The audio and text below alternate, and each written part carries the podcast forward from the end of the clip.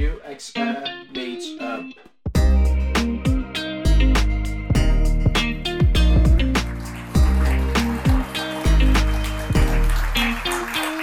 Teşekkür ederim. Ee, benim sunumun başlığı nihayet deneyim tasarımı konuşabileceğiz. Ama e, bunun niye ortaya atıldığıyla başlamam gerekiyor. Çünkü biz Türkiye'de e, Sherpa'yı ben 6 yıl önce kurdum. 8-9 yıldır kullanıcı deneyimi tasarımı konuşuyoruz. Ama aslında onun bu e, gürültülü kısmını konuşuyorduk. İşte UX nedir, ne işe yarayacak? Acayip önemli bir şeymiş bu. E, ben de mi UX'ci olsam? Ve 3-5 yıl UX'in ne olduğunu anlamakla geçti. Son 2-3 yıldır ilk defa ben e, firmaların bünyelerinde departmanların oluşmaya başladığını, çok daha fazla iş ilanının ortaya çıktığını ve de kullanıcı deneyimi tasarımcısının gerçekten ne iş yaptığını insanların anlamaya başladığını gördüm. Ve işin derinlemesine inebileceğimiz zamanlar geldi açıkçası. Dolayısıyla e, sunumum bir 101 sunumu değil ama çok ileri bir sunum da değil. Çok fazla teknik jargon kullanıp sizleri boğmamaya çalışacağım. Büyük resimden detaya inmeye çalışan, beni çok az tanıtan ve de aslında temelde e, bu işi yaparak, e, hizmet satarak, e, belli başarılara ulaşarak bu, bu, bu küçük e, UX pastasında e, kendine münasır bir yer edinmiş Sherpa'nın ritüellerinden bahsedeceğim. İçeride ne oluyor, ne bitiyor diye.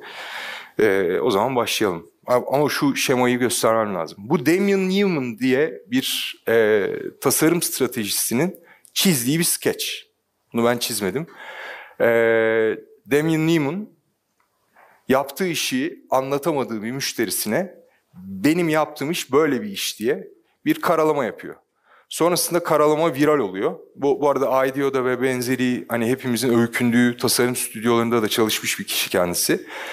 Bence tasarımı en basit şekliyle ve de en e, doğru e, yansımayla gösteren skeçlerden bir tanesi.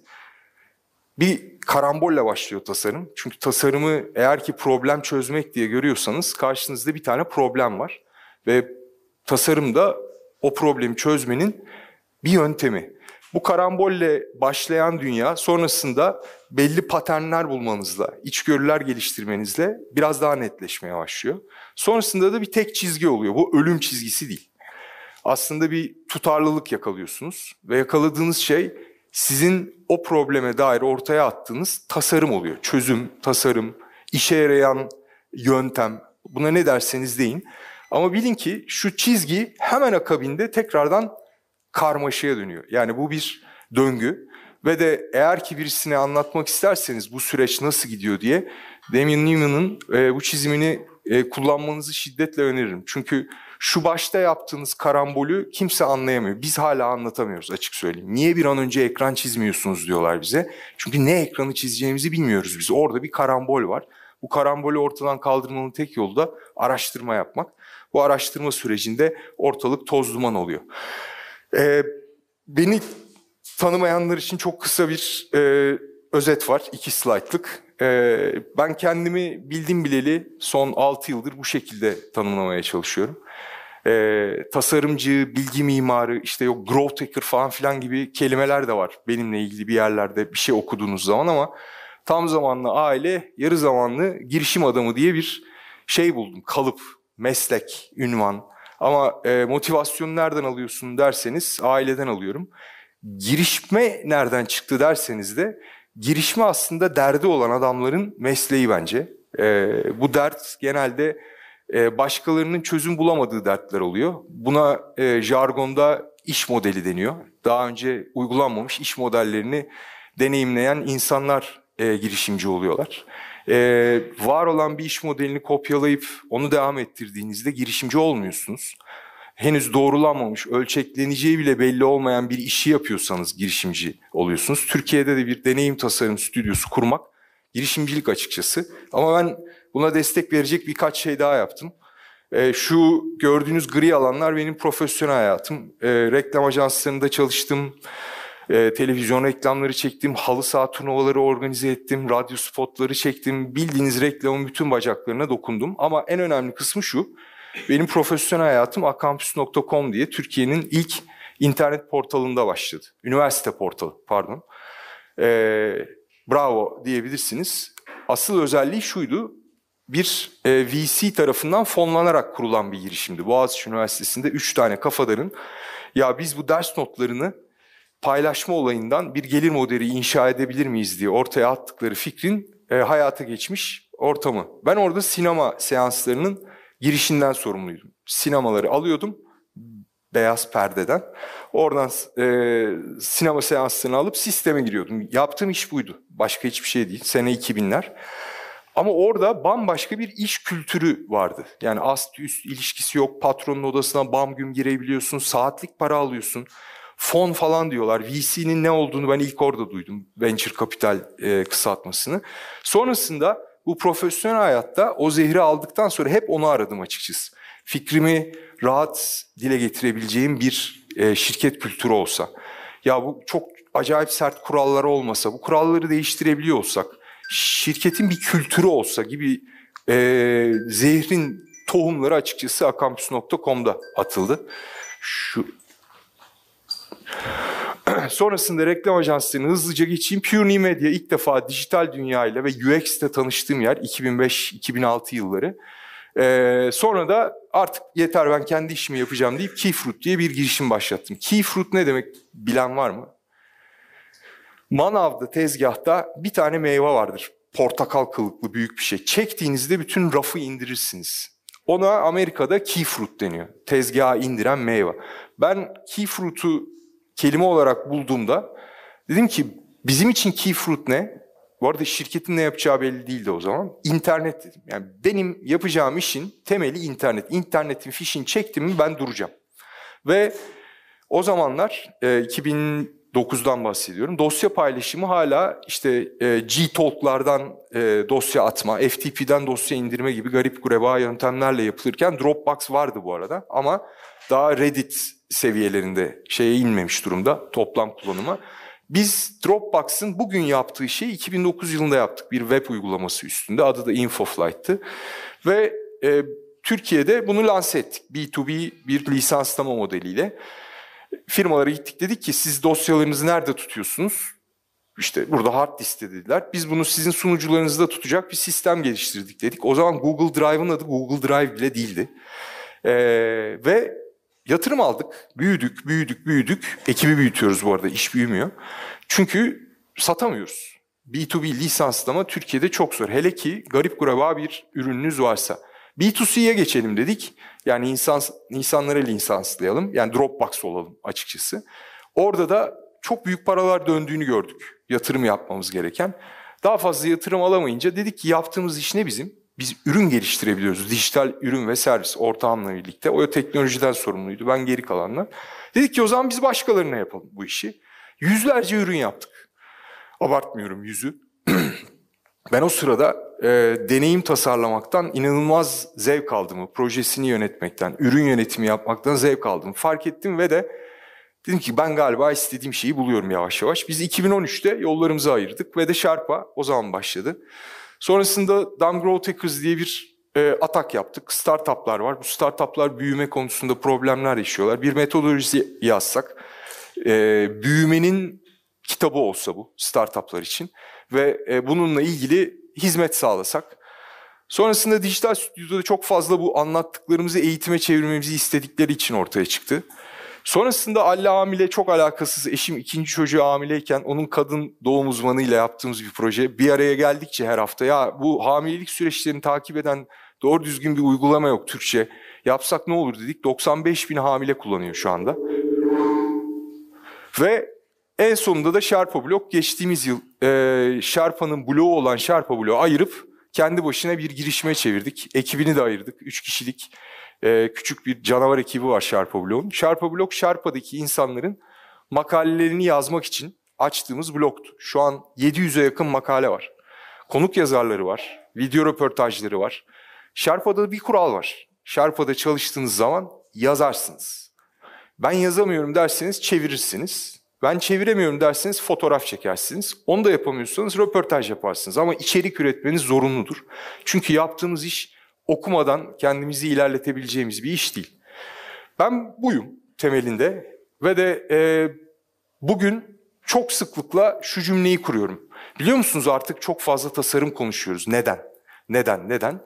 Ee, insanlar bunu bazı firmalara atfediyorlar. Çünkü işte X buna çok yatırım yaptı. IBM bin kişi aldı. Samsung'da kaç tane endüstriyel tasarımcı var biliyor musun? Evet bunlar kolay kolay yayılabilen hikayeler ama biraz daha köküne gitmemiz lazım. Neden bu adamlar o kadar adam alıyor?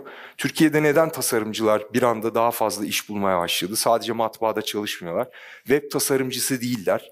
Neden neden diye sorunca aslında biraz geriye gittiğinizde bunların yanıtı var. Birincisi teknoloji bize asist yapıyor. Teknoloji çok hızlı ilerledi ve bir yerlerde problem yaşamaya başladı. Problemi yaşadığı şey insanla etkileşime geçme konusu. Teknoloji ilerliyor ama insan için yapılıyor teknoloji ve bu, bu etkileşimde bir sorun var. Daha önce mühendisler sadece bu teknolojiyi geliştirdiği, geliştirdiği için o mühendislerin içerisindeki bir grup dedi ki ya bizim burada başka türlü düşünmemiz lazım galiba. Çünkü bu chipset, devre, kablo veyahut da panel led mi olacak, OLED mi olacaktan başka bir şey. Ve de şu sarı zıplayan çizgide size göstermek istediğim bu ne zaman oldu? 1950'lerde oldu aslında. Bu 1950'lerden sonra bu sivilizasyon ve onun teknolojiyle karmasını gösteren bir e, histogram aslında. Burada baktığımızda 1950'lerde bir şey patlama oluyor keşiflerle ilgili. Bunların salt teknoloji keşifleri olduğunu düşünmeyin ama 1950'de bir şey oldu. Ne olduğunu kimse bilmiyor ama temelde o dakikadan sonra oyun değişti aslında bütün dünyada. Nasıl değişti? Birincisi insanların yeni teknolojileri kullanmaya başlama süreleri, bu adoption ratio'ları aşağı inmeye başladı. Çünkü bunu zorunluydu. Teknoloji çok fazla ürün geliştiriyor ve bu ürünleri geliştirirken de bir pazara ihtiyacı var. O pazarı domine edebilmek için insanların bu ürünleri daha çabuk kullanabilir hale gelmesi lazım. Ve ne yazık ki ürünler skandal. Yani böyle ilk bilgisayarları düşünün. Yani ben sizce size göre yaşça biraz ileri olduğum için daha çirkinlerini de gördüm ama biz komut girerek bilgisayar kullanıyorduk üniversitedeyken. Siz onu henüz e, yani umarım bir daha yaşamayacaksınız. Bin, 1860'lardan 1947'lere kadar gelirken görüyorsunuz ki adoption level'lar oldukça yüksek. Yani e, nüfusun %25'inin bir teknolojiye adapte olma süresi. Sonrasında bir anda bayır aşağı bir gidiş var. İnanın bu e, şu anda internetin e, işaret ettiği noktadan sonraki görülemeyecek kadar küçük hale gelecek. Çünkü cihazları kullanmak için artık prospektüs okumuyoruz. Şu, şu hareketi prospektüsten öğrenmedik hiçbirimiz. Veyahut da e, bir sonraki jenerasyonumuz televizyonla konuşmayı birisinden öğrenmeyecek. Sesi aç, işte kanalı değiştir demeyi birisi ona öğretmeyecek. İçgüdüsel olarak yapacak bunu. Bunu kim yaptı? Bence deneyim tasarımcıları yaptı. Nasıl yaptı peki? Şu adamlar sayesinde. Bunlar çok değerli insanlar. Özellikle de 1956'da bu MIT'de Fuller'ın başlattığı akımda mühendisler dediler ki ya biz bir şey geliştiriyoruz ama bunun geliştirme yöntemi farklı olmalı. Çünkü ortaya çıkan problemler çok karmaşık. Hatta buna İngilizce e, wicked problem dediler. Ve wicked problemları da şöyle tasvir ettiler. Bugün çözdün ama yarın o çözümünün işe yarayıp yaramayacağına emin olmadığın kadar komplike problemler. Sonrasında bu ekip işte bu değerli işte Simon, Papanek, Rittel ve Weber adım adım teknolojiyle mühendisliğin arasında problemleri çözebilmek için yepyeni çözüm yöntemleri, metodolojiler geliştirmeye başladılar. Ve de alakasız bir şema, Martek bir insan değil, marketing teknoloji izlemek. Arada bir gap oluşmaya başladı. İstedikleri kadar tasarım odaklı düşünmeyi, e, insan sistem etkileşimini tanımlarlarsa tanımlasınlar. Birincisi insan kaynağı yok bu alanlarda çalışan. Ve bu işte teknolojik devrimle organizasyonel değişim arasındaki fark çok hızlı açılmaya başladı. Organizasyonu da illa bir şirket olarak düşünmeyin. Bu aradaki farkı kapatmak için belli zıplamalar gerekiyordu. Veya hackler. Bu hackleri inanın hepimizin bildiği üzere Apple gibi, IBM gibi bir devle savaşamayacak kadar küçük firmalar yaparken yaptıkları şey aslında ürün değil, düşünme sistemi konusundaki değişiklikti. İş yapma konusundaki değişiklikti. Problem çözme konusundaki değişiklikti. Biz bunun yansımasını işte sakallı işe gidenler diye gördük. Veyahut da işte korsanlar diye bambaşka bir binaya taşınanlar diye gördük. Hiç kabul görmeyecek ekranları yapan adamlar diye gördük. Veyahut da işte mouse'u gidip Xerox Park'tan alıp ya budur insanlar bu cihazlarla etkileşime geçemiyor. Budur aslında çözüm diye ısrar eden Steve Jobs sayesinde gördük. Peki nedir bu üstüne kafa patlattıkları şey? Bu şema çok güzel anlatıyor. Eskiden sembolik bir iletişim kurmuyorduk biz. Kuruyorduk ama en azından bu kadar yüksek frekansta kurmuyorduk. Bu cihazlar karşımıza geldikten sonra, her eve bir tane konduktan sonra, hatta evden çıkalım cebimize girdikten sonra, saate geldikten sonra o kadar fazla sembolik iletişim kurmaya başladık ki bu cihazlarla. Yani input sembollerle gidiyor, output da geliyor. Sizin onu çözümlemeniz lazım. Birileri bu alana odaklanmak zorunda kaldı. Çünkü bunu birilerinin satması lazım. Bu fayda e, sağlayan bir şey ama zor olduğunda o fayda, edinimi zor olduğunda yayılmıyor. Yayılması için birileri deneyim denilen kelimeyle ilgili kafa patlatmaya başladı. 1980'ler Don Norman, Norman Nielsen grubun kurucusu, Apple'ın ilk deneyim tasarımcılarından. Bu adam ilk defa dedi ki deneyim tasarımı diye bir şey var. Apple'da biz bunun üstüne kafa patlatıyoruz. Bravo dediler. Türkiye'de 2000'lerin başında anca konuşabildik. Bütün bunların mümkün olabilmesini sağlayan şey ise ne yazık ki bütün bu adamlar değil sadece, onlar çok değerli. Bu iş yatırıma geri dönüş sağladı. Bakın bu gördüğünüz şemayı bütün e, Avrupa'da, İngiltere'de özellikle tasarımcılar ikna edemediklerinde tasarım yatırımı ile ilgili lak diye koyarlar. Design Value Index diye bir indeks. 2015'te yapıldı en son bir araştırma sonucu. Neye bakıyorlar? Bu SP500 indeksindeki firmaların büyümesiyle onların içerisinde tasarıma yatırım yapanları bir segment olarak alıp onların büyümesini karşılaştırıyorlar. Tasarıma yap, e, yatırım yapanlar design centric companies dedikleri bu soldakiler. Büyüme oranına bakın yüzde 211. Düşünün soldakilerin ne farkı var diğerlerinden? Tasarım derken ne olur? Ara birimi düşünmeyin. Ara birim değil bahsettiğim tasarım. İş yapış şekillerini, problem çözme şekillerini, insan kaynakları uygulamalarını, şirket yapılarını, buradaki ürün tasarımlarını, teknoloji geliştirme süreçlerini bambaşka yapmaya çalışan adamlar. Bu adamlar yatırım yaptıkları yerden geri dönüş almaya başladılar. Dediler ki o tamam bir koyuyoruz 2.1 alabiliriz. Demek ki buraya yatırım yapabilirim. Demek ki daha fazla adam alabilirim. Demek ki iç süreçlerimi değiştirmek o kadar da kötü bir şey değil. Şimdi bütün bunları anlatırken yukarıdan aşağıya doğru inmem lazım. Kullanıcı deneyimi, tasarımı bu işin en sonu. İlk bilmemiz gereken şey HCI denilen Human Computer Interaction. Deminki şemada insan vardı, bilgisayar vardı. Bunların birbirleriyle olan etkileşime kafa patlatan adamlar en tepedeki problemi çözmeye çalışanlar. İki tane sistem var. Biri analog, biz. Bir tanesi de dijital, bilgisayar. Bilgisayar bugün şu şekilde değil, her yerde neredeyse. Sensörlerle evimize de girdiler. Bugün işte connected home denilen yapıyla. Bütün bunların birbirleriyle iletişimini mümkün kılmaya çalışan adamlar var. Bu adamları en tepedeki Godmin seviyesindeki kurgu olarak düşünebilirsiniz. Bu adamların işi hiç bitmeyecek alt taraflardakilere iş çıkartmakla sorumlu olan grup diyebiliriz. Human Computer Interaction'cılar. Ne ile ilgileniyorlar? Üç tane anahtar kelime vereceğim sizde. Üç tane use var onların hayatında. Birincisi yaptığımız iş fonksiyonel mi? Bir işe yarıyor mu? Bu insanla bilgisayarı etkileşime geçirmek insanın bir işine yarıyor mu?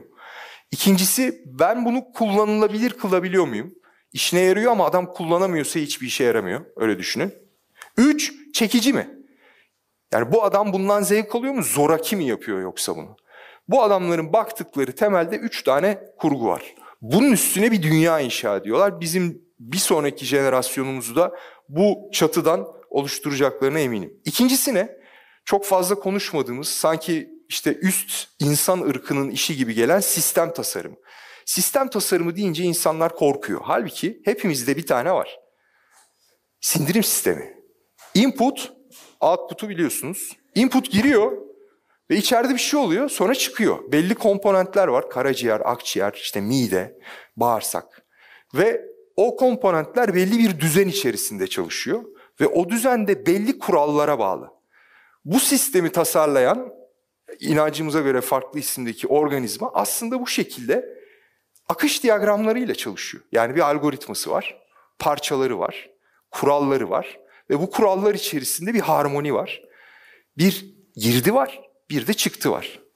Buna kafa patlatan insanlar insan sistem etkileşiminde bizim pek görmek istemediğimiz çok alt seviyedeki sistem mimarisini çalışan insanlar. Ara birimle ilgilenmiyor. Ara birimcilerin işi başka diyor. O ara birim deneyimini tasarlayacak insanların işi de başka. Ben bilgi mimarisiyle, sistem mimarisiyle ilgileneyim. Ondan sonrasını onlarla birlikte çözeriz. Bu HCI'nin bir altındaki kavram. Ne yazık ki yine çok yakın zamanda Türkiye'de konuşmaya başlayabildiğimiz servis tasarımı ne? Servis tasarımı sadece restoranda olmaz. İlk başta bunu ne olur unutmayalım. Otelde de olmaz. Orada olur ama sadece orada olmaz. Bu çok güzel bir şema. Direkt lap diye araklayıp yapıştırdım. Üç tane kavram var unutmamamız gereken servis tasarımında. Bir ön sahne var. Benim şu anda olduğum yer. Bir backstage var. Demin size alkışlattığım ekibin arka tarafta gördüğünüz odası. Bir de onun arkasında bir bölüm var. Orası da daha da onun arkasındaki sahne. Servis dediğimiz dünyada bu üç tane yapıda çalışan bütün interaksiyonları, deneyimi tasarlamanız gerekiyor. Yani benim buraya geldiğimde şu gördüğünüz işte Strafor e, modülden buradaki e, roll-up'lara kadar bir ve beni de içine alan bir sahne tasarımı var ya. Servis tasarlıyorsanız yani bir etkinliği servis ediyoruz biz size. Bu arkadaki backstage'i ve hatta onun arkasındaki behind the stage'i bile tasarlamanız lazım. Dolayısıyla hala kullanıcı deneyimine gelemedik. Bütün bunlarla ilgilenen insanlar da var. Az önce saydığım her bir başlık sizin için bir meslek alanı, odaklanabileceğiniz bir bölüm. O yüzden bunların üstünden geçerek başlamak istedim. Ve de bunun içinde işinizi kolaylaştıran bir tane anahtar kelime var. Bütün servis tasarımı, journey veyahut da serüven dediğimiz bütün bu akışların üstünde incik incik yaptığınız araştırmalar, orada bu sistemle etkileşime geçen insanların serüveninde yaşadıklarıyla ilgileniyorsanız size tasarım yapabileceğiniz problemler sunuyor. Bunları bu tip blueprintler üzerinde şematize edebiliyorsunuz. Bu şemalar size az önce gösterdiğim akışta üstten başlayarak mavi alanlar aslında touch point'ler. Bir altında sahne, onun altında sahne arkası, onun da arkasında sahne arkasının arkası dediğimiz dünyada neler olup bittiğini, sizin sisteminizin nasıl tepki verdiğini anlatan problemleri çözme alanı. Peki hala gelemedik kullanıcı deneyimine. Müşteri deneyimi tasarımı ne? Acayip birbirine karıştırılıyor. Müşteri deneyimi tasarımı call center yönetmek değil. Bu bir aklımızda kalması gereken. İkincisi en önemlisi belki de müşteri deneyimi deyince aklımızda kalması gereken tek şey temas noktası. Hangi temas noktasından bahsediyoruz? Müşteri deneyimi temas noktası yönetimi demek. Temas ettiğiniz kişi de müşteri dolayısıyla. Peki müşteriyle kullanıcı aynı şey mi? Değil. Müşteriyle kullanıcı bebek bezinde farklılaşıyor değil mi? Çocuk bebek bezinin kullanıcısı, müşterisi annesi veya babası. Peki müşteriyle kullanıcı deneyim, e, kullanıcı aynı olabiliyor mu? Evet aynı olabiliyor. Saatin müşterisi de benim, kullanıcısı da benim. Ama müşteri deneyimiyle ilgileniyorsanız kullanıcı sadece onun bir alt segmenti. Ne olur bunu unutmayın. Müşteri deneyiminde temas noktalarında nasıl bir deneyim kurgusu inşa etmek istediğinizi düşünüyorsanız müşteri deneyimi tasarımının bir parçasına dönüşüyorsunuz. Bugün hep pazarlamayla, satışla veya pazarlama iletişimiyle anılıyor. Halbuki bu da bu, bu odada bulunan herkesin üstüne odaklanabileceği bir uzmanlık alanından ibaret. İlla pazarlama ile ilgili olmak zorunda değil. Peki geldik bizim bölüme. Kullanıcı deneyimi tasarımı nedir? Bununla ilgili en son baktığımda 2,5 milyon makale vardı e, Google'da. Ben şöyle özetliyorum. Bu sayfa bence kullanıcı deneyimi tasarımının en güzel örneklerinden biri. Sherpa'da kırık link sayfası bu. 404. Girdiğinizde karşınıza bu sayfa çıkıyor. Yanlış hatırlamıyorsam. Bugün iyi bir kullanıcı deneyimi kolay bulunmuyor ama üzülmeyin. Girdiğiniz web adresi yanlış olsa da siz doğru adrestesiniz diye bir metin var. Biz bunu niye yazdık? Altında da 3 tane link var biliyorsunuz. Çünkü 404 sayfasını görmek sıkıntılı bir şey. Kullanıcı öyle ya da böyle bir içerikle karşılaşmak istedi ve sizin sisteminiz buna tepki veremiyor. Sebebi her ne olursa olsun. O adam o sırada ne oluyor? Birincisi ajite oluyor. Öf bozuk bu siteleri diyor. İki bir yere gitmeye çalışıyor. Genelde 404 sayfalarında başka bir sayfaya link bulunmaz. Bulunabilir aslında da koymaz kimse. Biz buraya çalıştığından emin olduğunuz linkleri koyduk. Bu e, daha önce yayında olan bir sayfanın ortaya kalkmasıyla kırılmış bir sayfa da olabilir çünkü. Ve de pembe bir renk kullandık bilerek. O sırada onun duygularına da hitap edelim diye. Ve olabildiğince kırıcı konuşmamaya çalıştık. Neden? Çünkü adam mutsuz. Onunla empati kurabiliyoruz. Anahtar kelime geldi. Kullanıcı ve empati ile ilgili eğer ki odaklanarak problem çözmeye çalışıyorsak geldik zurnanın son deliğine, kullanıcı deneyimi tasarımına. Bu şema az önce anlattığım bütün her şeyin özeti.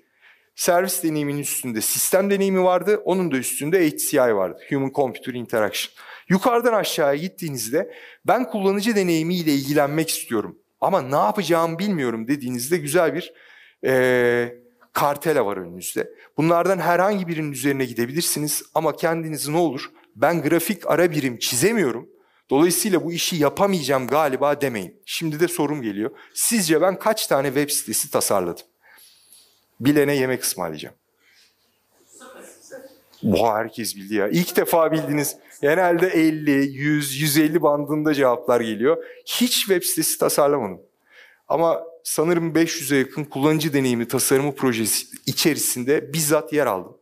Bazılarında bilgi mimarisinde, bazılarında sketch çizmede, bazılarında wireframe çizmede, kullanıcı hikayesi yazmada, test yapmada, hipotez geliştirmede. Bunların her birinde yer aldığınızda kullanıcı deneyimi tasarlıyorsunuz aslında. Kendinizi grafik ara birimle lütfen kısıtlamayın. Deneyimi tasarlamak kimin işi? Yani bu UX designer übermensch midir yani? Bu adam gelecek her şeyi çözecek. Değil öyle bir şey. Ama bugün ne yazık ki onu e, popüler kültür öyle bir yere doğru ittiriyor. Yani bir kullanıcı deneyimi tasarımcısı gelsin de çözsün şu işleri. Öyle değil. Birincisi bu gördüğünüz şema en jenerik haliyle development stage'deki kullanıcı deneyimi çıktılarını gösteren şema. Çok şey var burada üstünden geçmeyeceğim. Bütün bunları bir kişinin yapma ihtimali yok. Öyle full stack designer, full stack developer kavramları inanın CV'de güzel duruyor. Gerçek hayatta öyle olmuyor. Tek başınıza bu işlerin içine daldığınızda garanti olan tek şey bataklık sendromudur. Bir süre sonra kımıldadığınız anda boğulmaya başladığınızı görürsünüz. Yetişemezsiniz. Üretici, üretim döngünüz dibe vurur ve de bırakıp kaçarsınız. Dolayısıyla bu kadar çok işi tek bir kişi yapamayacaksa hangi rollerdeki insanlar yapabilir, nasıl yapabilirler? Bugün dünya bize neyi gazlıyor? Agile. Her şey hızlı olacak. Koşacağız. Sprint, sprint, sprint, point, point, point. Bu şema çok hoşuma gitti. Bizim e, Slack'ta paylaşılmıştı. Süper anlatıyor. Böyle çizimler, işte cycle'lar. Ama bir tane konu var beni rahatsız eden. E, UX dizaynın boyutunu görüyor musunuz? Sadece şurada küçücük bir parça. Çünkü agile e, savunucuları ne yazık ki UX dizayna böyle bakıyor. Onlar için bir şeyin hızlı ve test edilebilir şekilde üretilmesi yeterli. UX'i sonra da yaparız. Yani onun için ayrı bir sprint yaparız. Hep bir bakarız, bakarız, bakarız durumu.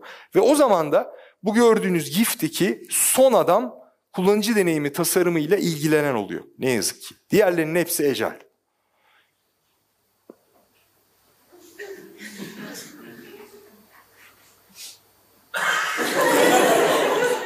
Ben böyleyim yani şu anda. Bu Sherpa'nın organizasyon şeması bizde e, bazılarını kendimizin bulduğu, bazılarını kendimizin anlam yüklediği e, ünvanlar var. E, bu şemada gördüğünüz üzere bir genel müdür, direktör, işte böyle üst e, merciler yok. Sherpa olabildiğince organizasyonel bir e, şey, lateral bir organizasyon. Bir onay merci yok. Ben hiçbir şeyi onaylamıyorum. Ekip kendi üretiyor ve eğer ki uzlaşamazsa bir şekilde bütün varyantlarıyla çıkıp çözümlerini gidip sunuyor. Bir değil, iki değil, bazen üç tane çözümle. Burada göstermek istediğim şey şu, UX Producer diye bir ünvanımız var. Bu proje yöneticisi diye de algılanabiliyor. Bu kişilerin odaklandığı şey prodüksiyon planlama. Çünkü kullanıcı deneyimi tasarımı bir prodüksiyonun içerisinde planlanması gereken bir iş. Ve teknoloji bilmeniz gerekiyor. İş hedeflerinden anlamanız gerekiyor. Çoğu zaman deşifre etmeniz gerekiyor. İşin sahibiyle onun mühendisleri arasındaki ve kullanıcısı arasındaki etkileşimi. Ee, Ideation ve Creation dediğimiz kolonda kullanıcı deneyimi tasarımcıları var. Kullanıcı deneyimi yazarları var. Ve de en altta göremediğiniz bir de kullanıcı deneyimi mühendisi var. Bir teknoloji sistemiyle etkileşim kuracak bir çözüm yapıyorsak oradaki her tür e, isteri anlayıp uygulayabilmemiz için. En sağ tarafta da araştırma ve içgörü toplama var. Strateji geliştirme, araştırma yapma. Bizde iki tip araştırma var. Bir e, dijital ayak izlerini takip edenler, bir de analog veri toplayanlar. Bütün bunlar az önce gördüğünüz şemadaki işleri yapabilecek kadro. Bir UX designer onun içerisine oturttuğunuz zaman ne yazık ki tamamına yanıt veremiyor. Vermemesi de gerekiyor. Bu iş çünkü o kadar basit bir iş değil bizce. Genelde bu döngüde gidiyoruz. Bunun gösterilmesinin temel sebebi şu. Bu ne kadar önce kullanıcının önüne inerse yaptığınız iş o kadar kullanıcı deneyimi tasarlıyorsunuz. Ne kadar geç önüne inerse o kadar içgüdüsel demeyeyim varsayımsal deneyimler tasarlıyorsunuz. Development ekiplerinin daha ikinci adımda devreye girmesinin sebebi şu. Development ekipleri de deneyim tasarlıyorlar. Onlar da o deneyimin bir parçası. Yazdığı kod bloklarının her biri sistemin çalışacağını belirleyeceğinden deneyim tasarımının bir parçası. Peki bunun doğru yolu ne? Dünyada birçok metodoloji var. Biz açıkçası bunun bir tane doğru yolu olduğuna inanmıyoruz. Bu şema şunu gösteriyor. Böyle bir dağların tepesinde bunun anahtarını veya işte gümüş kurşununu bilen birisi var mı diye sorarsanız yok. Duruma göre değişen yöntemler kullanmak zorundasınız. Ortak payda da herkesin kabul ettiği kuralları yatsırsanız Amerika'yı tekrar tekrar keşfedersiniz ama bir mobil uygulama deneyimi tasarlıyorsanız veyahut da bir televizyon deneyimi tasarlıyorsanız metodolojinizin o ortama göre belli adaptasyonlar göstermesi şart. Öyle alayım koyayım lop diye çalışsın ne yazık ki yürümüyor. Nedir o ortak paydalar? Biz bunu iki tane grafikte özetledik. Birincisi biz iki şeyi kabul edeceğiz dedik Şarpa'da. Deneyimi tasarlarken bizim iki tane ana kuralımız var. Birincisi eğer ki bu deneyimle bir şeyi dönüştürmek istiyorsak unutmamamız gereken iki şey var. Bir kullanıcı çok unutuyoruz açık söyleyeyim. İki tasarım yani bir problem çözme yöntemi. O kullanıcının problemi başkasının değil patronun değil veyahut da arakladığınız ara, arayüzdeki adamın kullanıcısının değil o kullanıcının problemi. Ve peki tamam tasarımda tasarımı nasıl anlamlandırıyorsun? Bir hipotez olmadı elinde bir de o hipotezi test edebileceğin veri olmak zorunda. Ekranda bence bu böyle olmamış, bunu bu tarafa koyalım dediğinizde siz ölçümlenebilir olmayan yarım yamalak bir hipotez üretiyorsunuz değil mi? Birisi de bunu ekrana yansıtıyor. Eğer ki bunu her seferinde doğru bir şablonla yürütürseniz de ortada problem kalmıyor. Bu kadar basit iki tane kuralı içselleştirmesi şart bütün ekibin. Metodoloji var mı? Var. Bu şema bu arada e, kamuya açık. Bizim tasarım metodolojimizi biz Handbook diye bir subdomainde handbook.sharpa digital'da dokümante ettik. Bütün bu belgeler var. Yani bütün içerikleri de var. Kullandığımız kural seti de var. Temelde keşfediyoruz ne oluyor ortada. Nedir bizim çözmemiz gereken problem?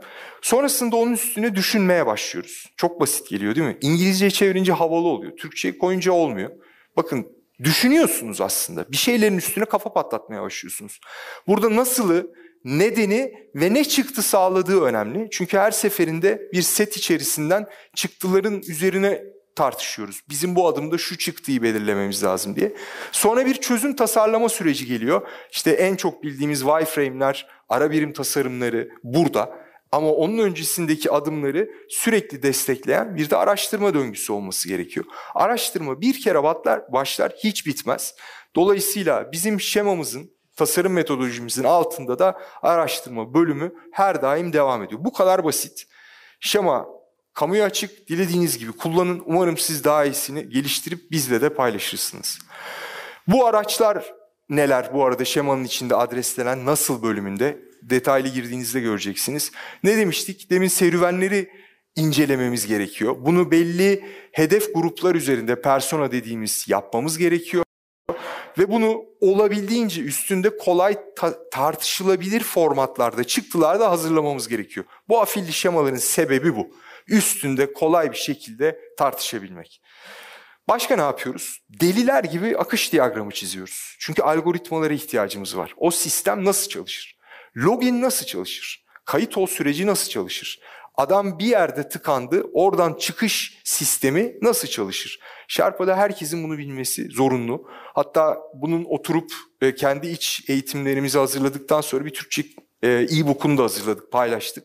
Çünkü gördüğümüz en temel eksiklerden biri deneyim tasarlarken kimsenin buralara girmemesi. Halbuki bir akış var ve sizin onu şematize etmeniz zorunlu. Öbür türlü çünkü saatlerce bitmeyen e-postalarla birbirinizle tartışıyorsunuz. Bu Çince yazı bilgi mimarisi şeması. Bilindik adıyla site haritası diyebilirsiniz ama site haritasından çok daha ileri seviyelere ulaşabiliyor. Bu hepsi burada için yaptığımız bir çalışma. Çok detayını göremeyin diye böyle koydum bu arada. Ama temelde aslında parent-child ilişkisiyle sistemin kurduğu bilginin, e, pardon sunduğu bilginin mimarisini yaptığımız bir süreç var. Ara birimde ne görecek, o neyle ilintili, navigasyon nerede çalışacak, form label'ları nasıl olacak, bunların neden kuralları o şekilde tasarlandı. Bu yeni giren bir yöntem wireflow deniyor. Aslında wireframe'leri akışa oturtmak. Yani sahneleri birbirine bağlamak. Daha da geriye gidelim. Storyboard yapmak, fotoroman yapmak. Bu ekranların arasında bu butona basınca o ekrana gidiyor, bu butona basınca o ekrana gidiyoru clickable bir prototipte yapabilirsiniz. Ama deli olursunuz bu arada tartışırken. Çünkü o butona basınca hep oraya gidecek. Halbuki basmadan nereye gittiğini görebilseniz güzel olmaz mı? Bütün bu ekranları çizdikten sonra state'leri birbiriyle bakın bu gördüğünüz kadraj şuradakinin küçük bir bölümü. Bütün sizin sahnenizin ekranlarının birbirleriyle nasıl etkileşime geçtiğini şematize edebilirsiniz.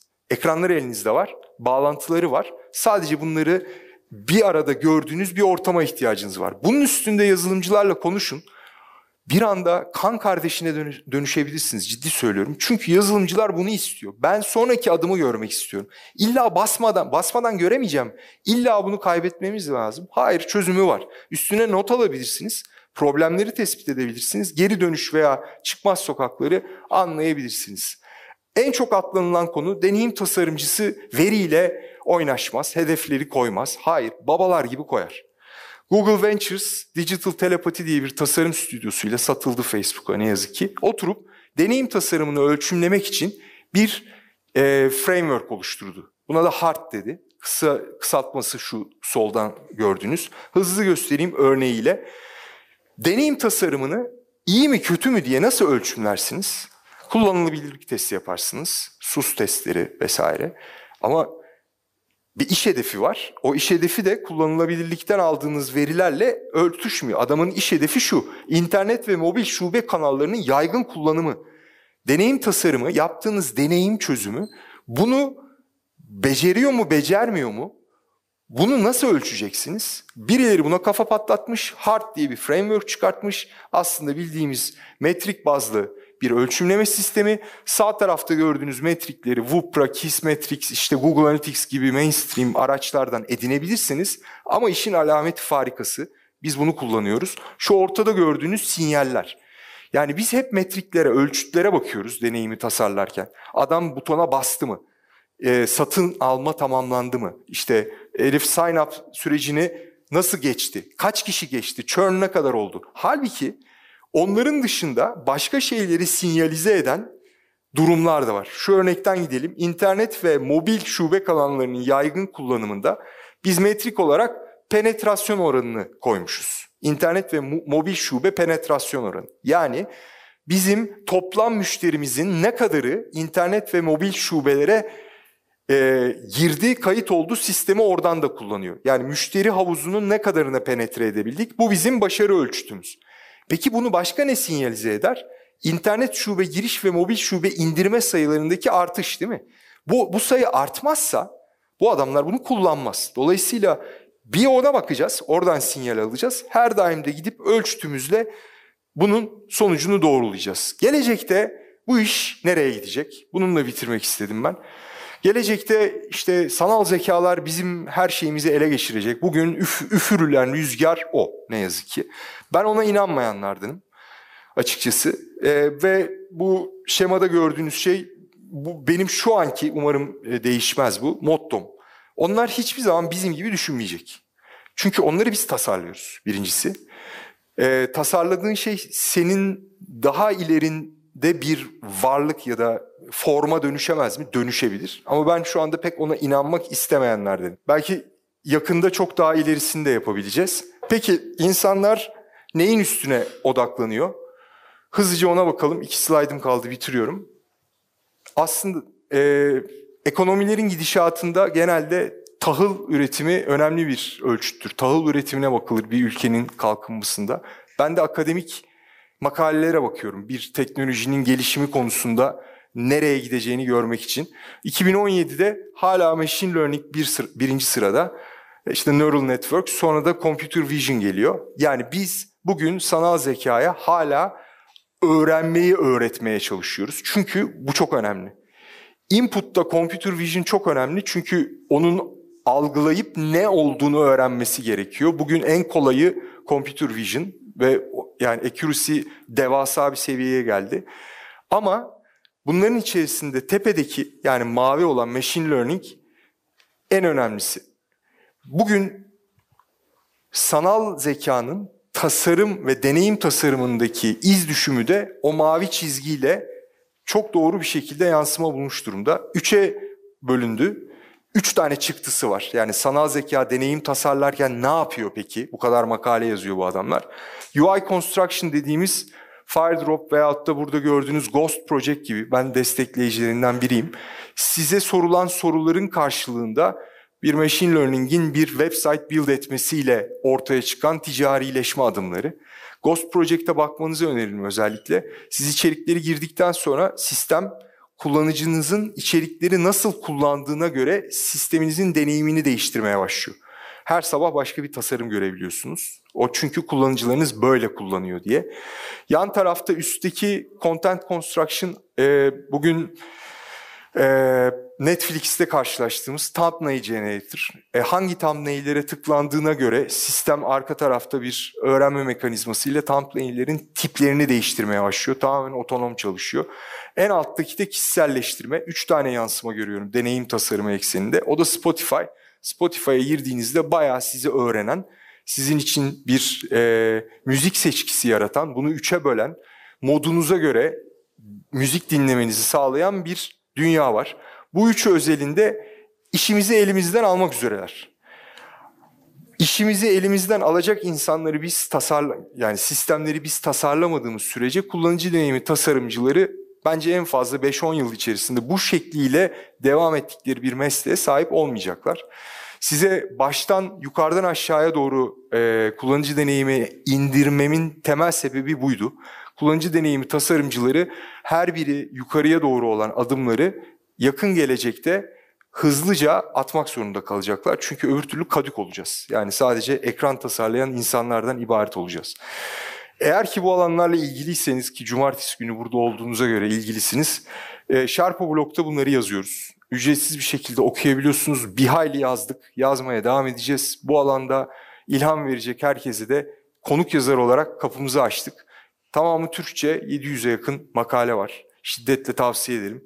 Sherpa nasıl çalışıyor? Siz nasıl deneyim tasarlıyorsunuz? Kurallar nedir? Sherpa'nın içindeki insan kaynakları sistemi nasıl çalışıyor derseniz bunların tamamını da bu e, açık kültür, iş kültürü babında Handbook'ta yayınladık, yayınlamaya devam edeceğiz. Az önce gördüğünüz bütün çıktıların örnekleri orada var. Tepe tepe kullanabilirsiniz. Beni dinlediğiniz için de çok teşekkür ederim.